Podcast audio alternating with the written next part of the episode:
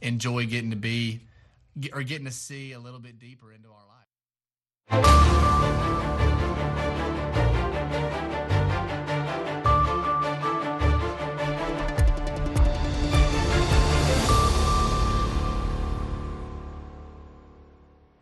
halkani waa washington laanta afka soomaaliga ee v o a oo aad ka dhagaysataan muwjadaha gaagaaban iyo efemyada geeska africa caalamkao dhanna waxaad nagala socotaan boggeena v o a somaly com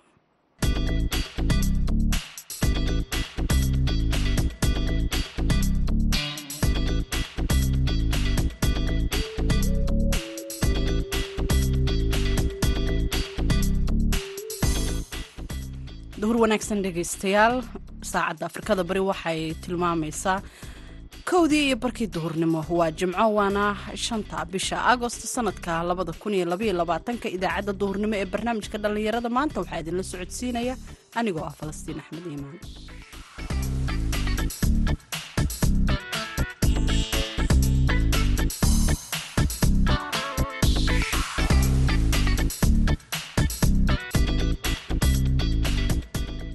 qodobadaanu idinkugu haynay idaacaddeenna duhurnimona waxaa ka mida barnaamijkii sooyaalka dhaqanka oo aanu ku eegi doonno siday soomaalidii hore ee miyiga isku caawin jireen xilliyada adag. Dadna dad saboola xoolo yarow way ahaayeen dadna dan hanti ilaahay siiyey oo geel iyo adhiba hodankaa ayay ahaayeen. Afarta maysiya adduunku uu ka kooban yahay bay lahaayeen. Dadna xooluhu waa ku yaraayeen. Dadka xooluhu ku yaraayeen waxay ahaayeen dad laga warqabo oo dadka la nool oo xoolaha la leh sida godol iyo gaadiidba ay xoolaha la lahaayeen. Kaalmihii heesaha ayaan ka marnayn barnaamijka marka horese ku soo dhowaada. Warkii caalamka oo aan idin akhriyo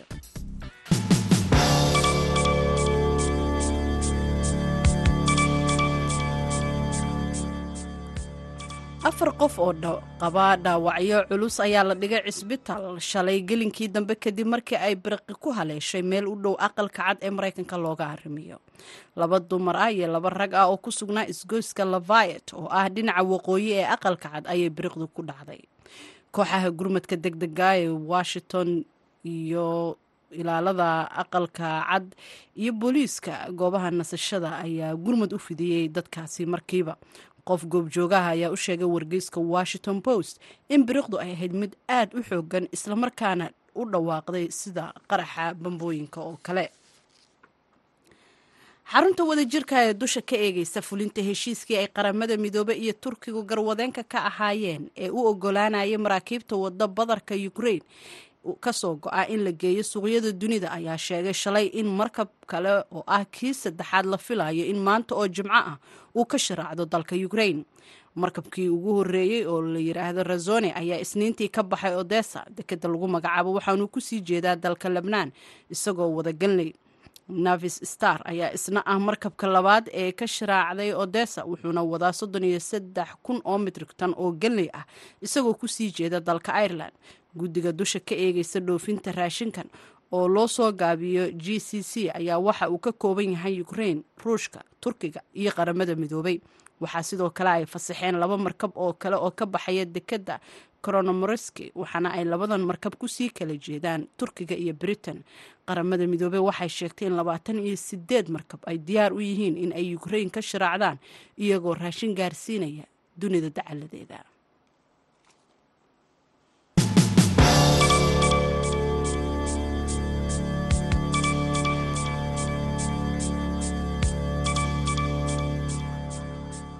halkaad nagala socotaana dhegaystayaal waa v o a washington. Markana ku soo dhowaada barnaamijkii sooyaalka dhaqanka oo aad xiliyadan oo kale aad nooga barateen waryaheena laascaanood cabdikariin olol ayaana noo soo diyaariyey nalana socodsiinaya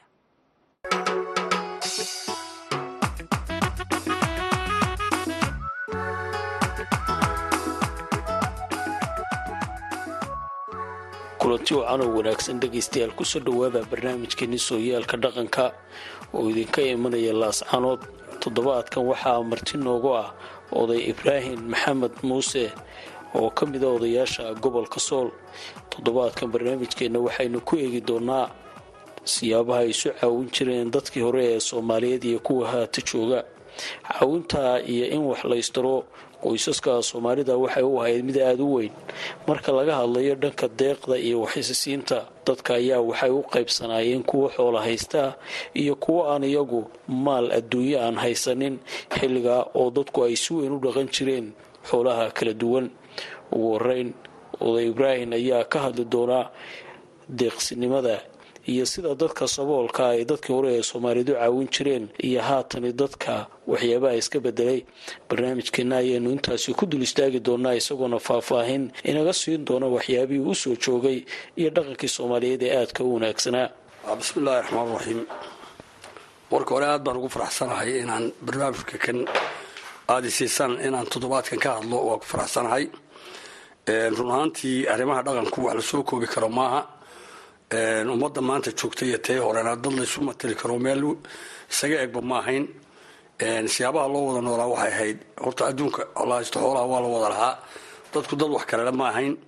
Dad iscaawiya oo deeqsiina oo gacan furan oo dhan walba wax iska tara ayay dadku haayeen.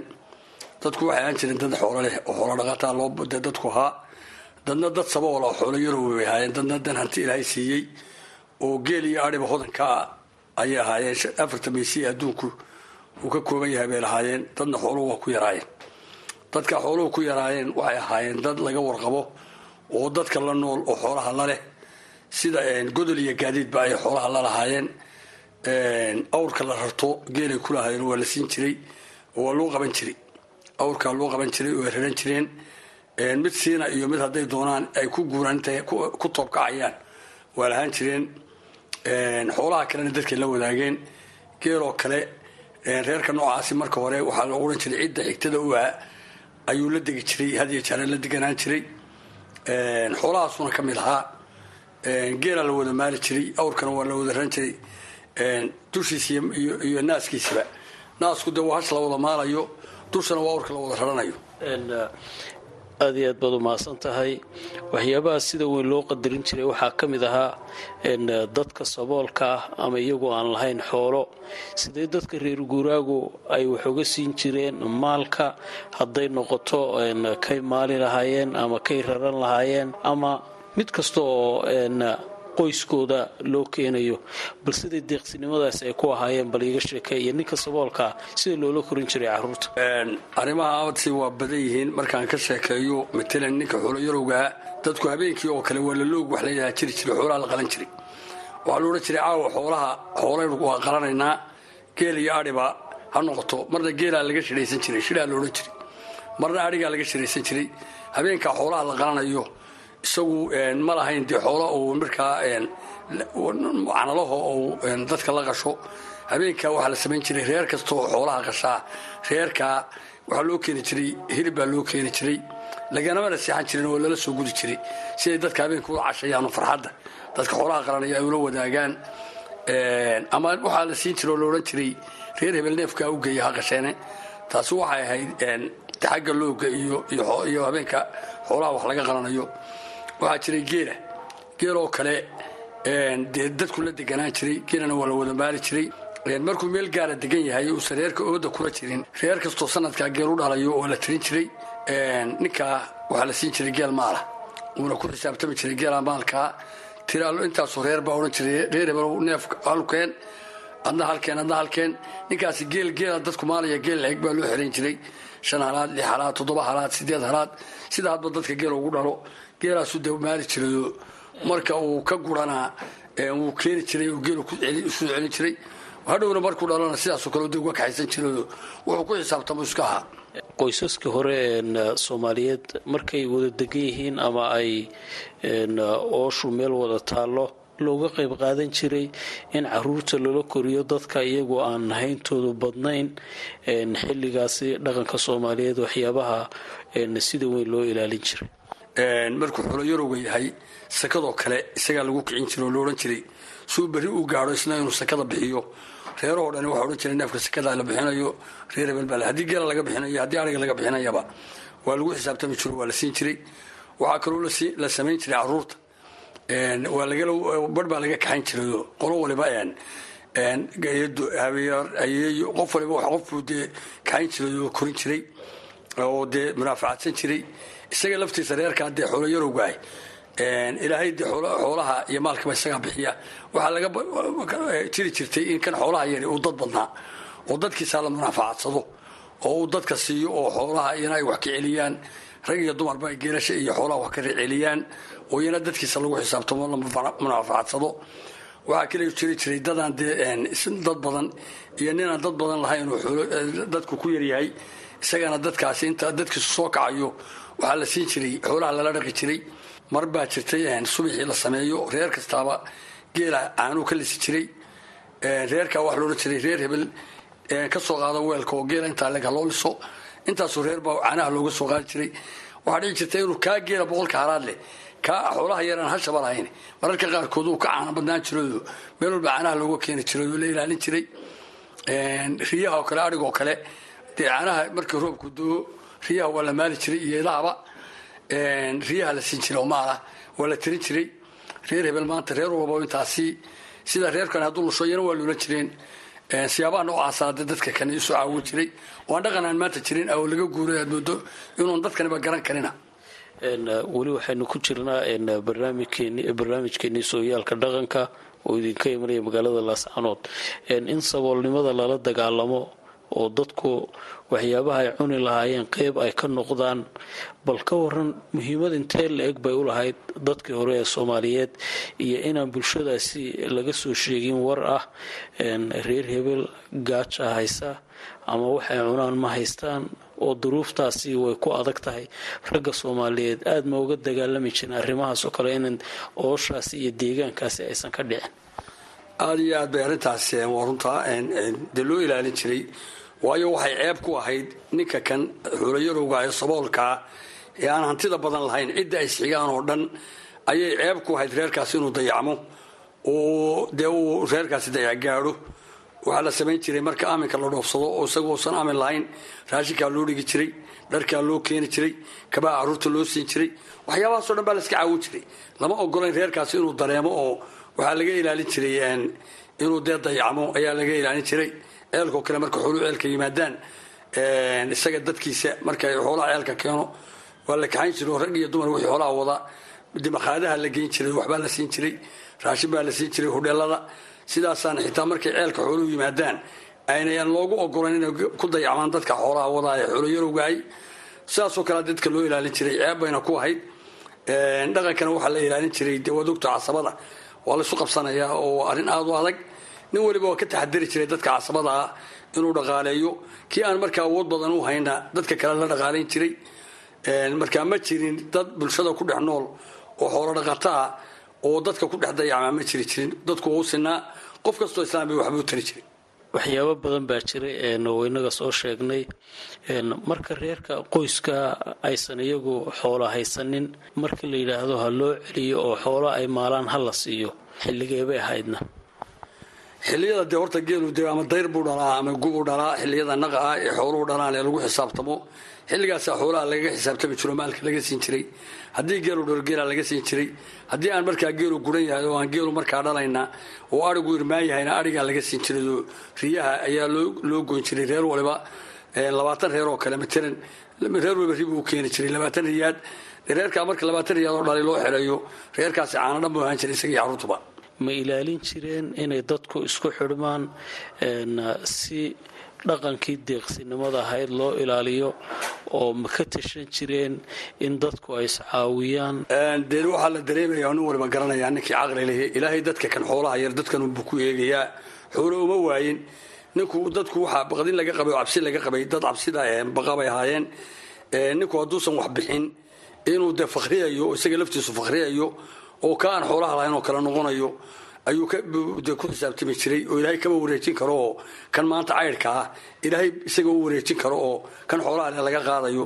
Sidaasaa markaa xoolaha lagu ilaalin jiray oo lagu dhowri jiray waxaa lay gurigaaga matalan waxaa jiray ninkii doonaya in gurigiisa lagu caydhoobana wuxuu qadiyaa saddex waalidka waxyaabaha aada loo ilaalin jiray waxaa ka mid a abtigaadoo kale gabadhaada abtigii caruurtaa abtigood intaasoo kale hadday gurigaaga ku qadaan.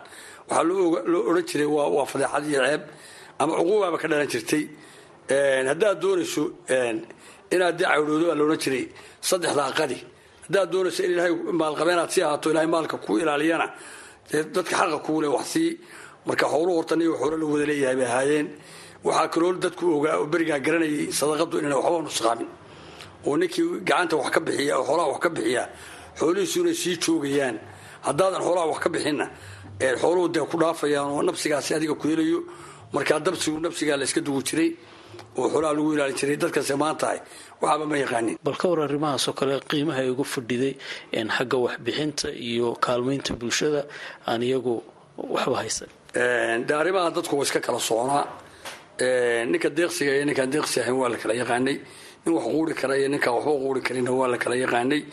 Ninka bakhaylka marka geedka laysugu yimaado dee ninka lagu soo hirto ee bulshadu maalintaa gurigiisa aan la dhaafi jirin ee geedkiisa la fadhiisan jiray iyo ka laga jirayba waa la kala yaqaanay.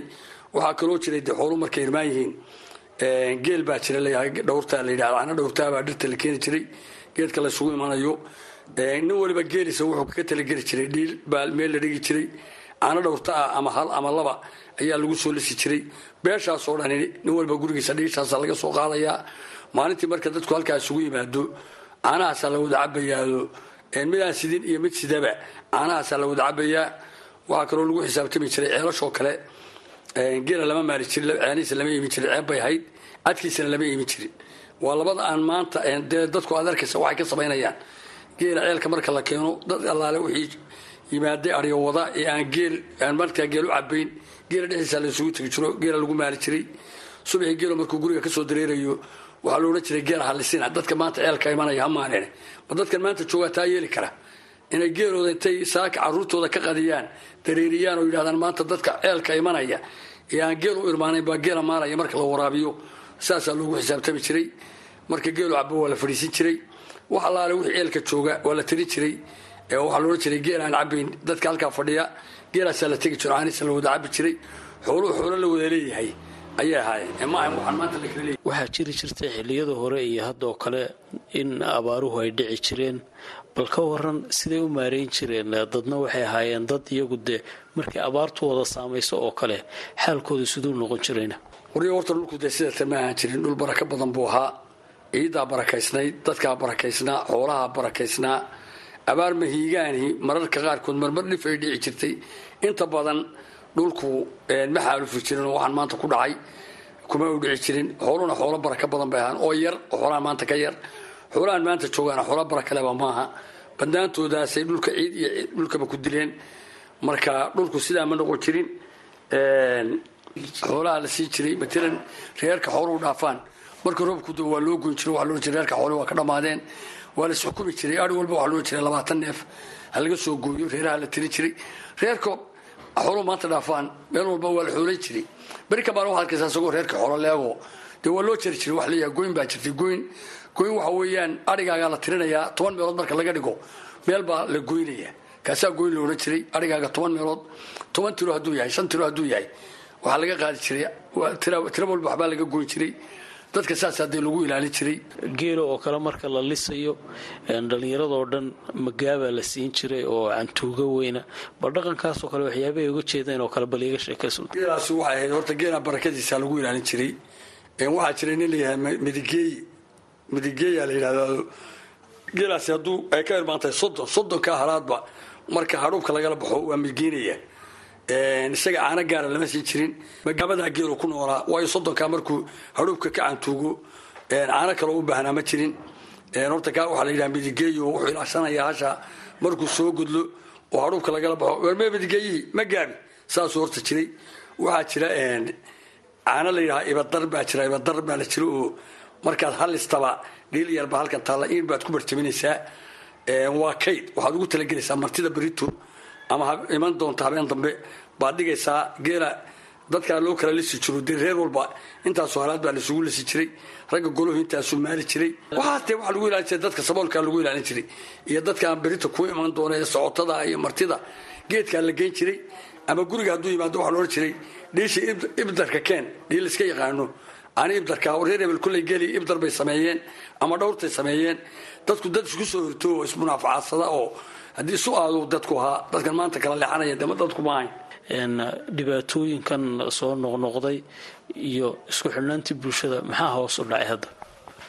Arrimaa lagama sheekayn karo. Niyahow wax waliba waa dhaqan guureen dhaqan guur baana ku dhacay dhaqankii baana ka lumay akhlaaqdii baa luntay nidaamkii oo dhan baa lumay. Geeyaanka waa la su'aali jiray. Matalan maanta oo kale adiga abtayaasha ayaa baxsiisa oo aan diraacda ku dhicin ama jilaal ku dhicin oo xooluhu baxsadeen marka la yidhaahdo wakhtigaas oo kale dee dadku way su'aali jiray abtigaabaad ku baxsan jirtay oo aadaadi jirtay sidaasoo kale wax laisu tari jiray. Maanta xitaa guurka taasina wayna ka baabado. Nin waliba gurigiibu dib ugu noqdo reerkii marbus la dumayaado matalan waxsisiintii baa dee yaraatay. Burco markilen gobollada kale oo dhan baa dee ehel ku lahayd. Dhulkaasaa tegi jirtay xoolaha laga keeni jiray. Wixii oo dhan maanta waxaa lumiyey isku noqnoqodka kan ayaa dhibkeenooda wixii o dhan lumiyey markaa dhaqan yaablahayna ka lumay mid yaablahayna ka lumay. Ilaahay waxaanu ka baryana ilahay noo soceliya wax waliba waa yaraadeen dhaqankii baa yaraaday xishoodkii baa yaraaday waxsasiintii baa yaraaday. Waxaa dhici jirtay inaan xitaa aan laga leexdo la yidhaahdo hebel maantayna sooriyen maaye ka leexda oo dee saasaa jirta. Inkastoo weliba laga yaaba miyigu inuu maanta usan magaalada la mid ahay inuu dee xishoodka weli miyiga waa ku sii harsan yahayo caawa gurigaa tagto waxaa laga yaaba in laga sooriyeeyo aan lagaa seexan bulshada iyo isku tiirsanaantooda muhiimadda ay leedahay fariinta aad bulshada soomaaliyeed ee ku dhagaysanaysa aada u jeedinaysa waxaan u soo sheegayaa waaba laynoo sheegay inaan ilaahay waxba waayin. Dhibaatada ina haysataa midaynu inagu isu keenna inay tahay. Markaynu inagu isdhowri weyno isdhibaataynay baa ilaahayna ina dhibaateeyey. Dadkay waxaan u soo jeedinayaa wixii islaama in la toobad keeno oo weliba soomaalidu toobad keento ilaahay u noqoto. Haddii ilaahay loo noqdo xadhigga ilaahay la qabsado ilaahay wuxuu inoo sheegay inuu irsiq inoo ka siinayo iyo rooberaba waaweyn. Waa waxaynu gacanteena ku heensanay ummadda waxaan ugu baaqaya wixii islaama in la toobad keeno xadhigga ilaahay la qabsado. Sidaasi aanhay dhibaatada kaga bixi mayno waa fikirka qabo dhegaystayaal intaasi waxaynu ugu dhan barnaamijkeenii sooyaalka dhaqanko idinka imanaya magaalada laascanood waxaana marti noogu ahaa oday ibraahim maxamuud muuse. Toddobaadkan ayaa waxaan ku soo qaadanaynay dadka danyartaa iyo sidii loo caawin jiray. Intaan ku kulmi doonno barnaamijkaasi mid la mida waxaan idinkaga tegaynaa sidaas nabadgelyo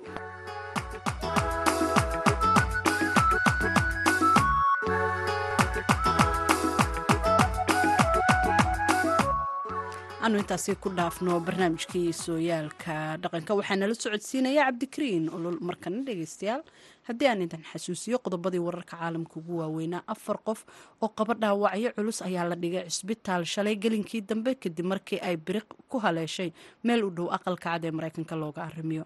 Laba dumara iyo laba raga oo ku sugnaa isgoyska lagu magacaabo lavayet oo ah dhinaca waqooyi ee aqalka cad ayay biriqdu haleeshay kooxaha gurmadka deg dega ah ee washington d c ayaa sheegay in ilaalada gaarka ee aqalka cad iyo booliiska goobaha nasashada ay dadkaasi gurmad u fidiyeen.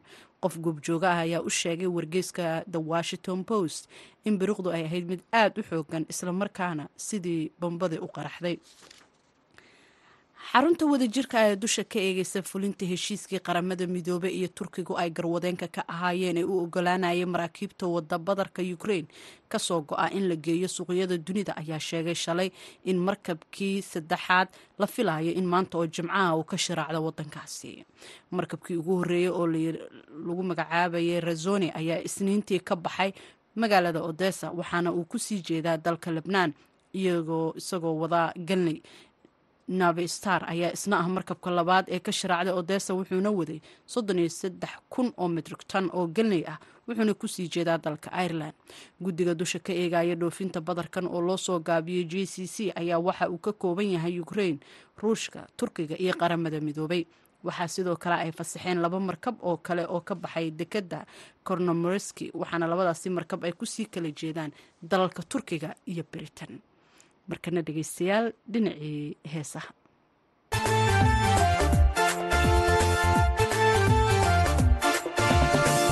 Inkastoon salogiisa dooqisan yaday haatan urda seexa la diiday sorna aan cun waaye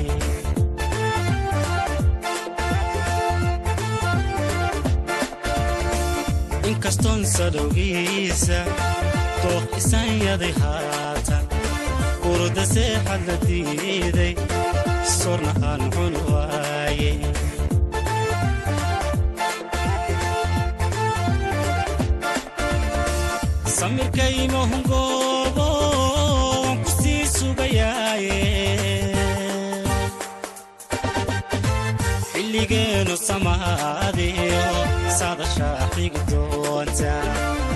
weligeenu samaadiyo sadasha xigu doonta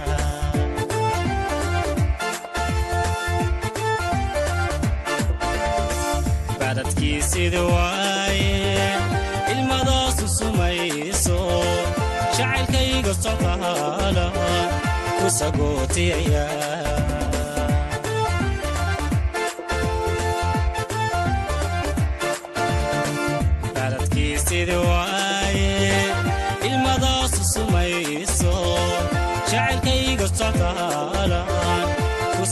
tia.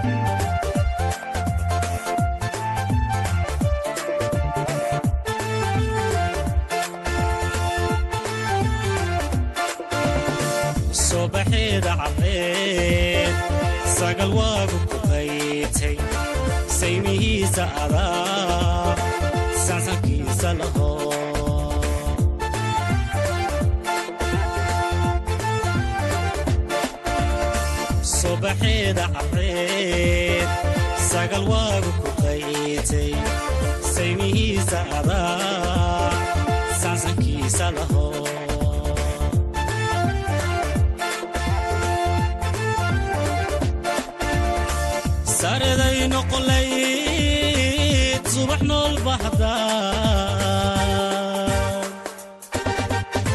samiskaaga macaan indha saari lahaa.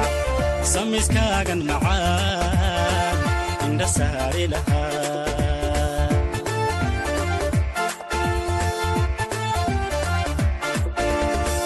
Baadadkii sidii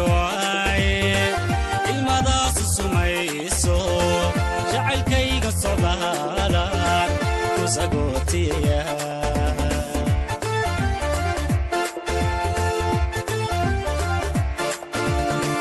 baradkiisidi jacaylkayga socdaalan isagootiya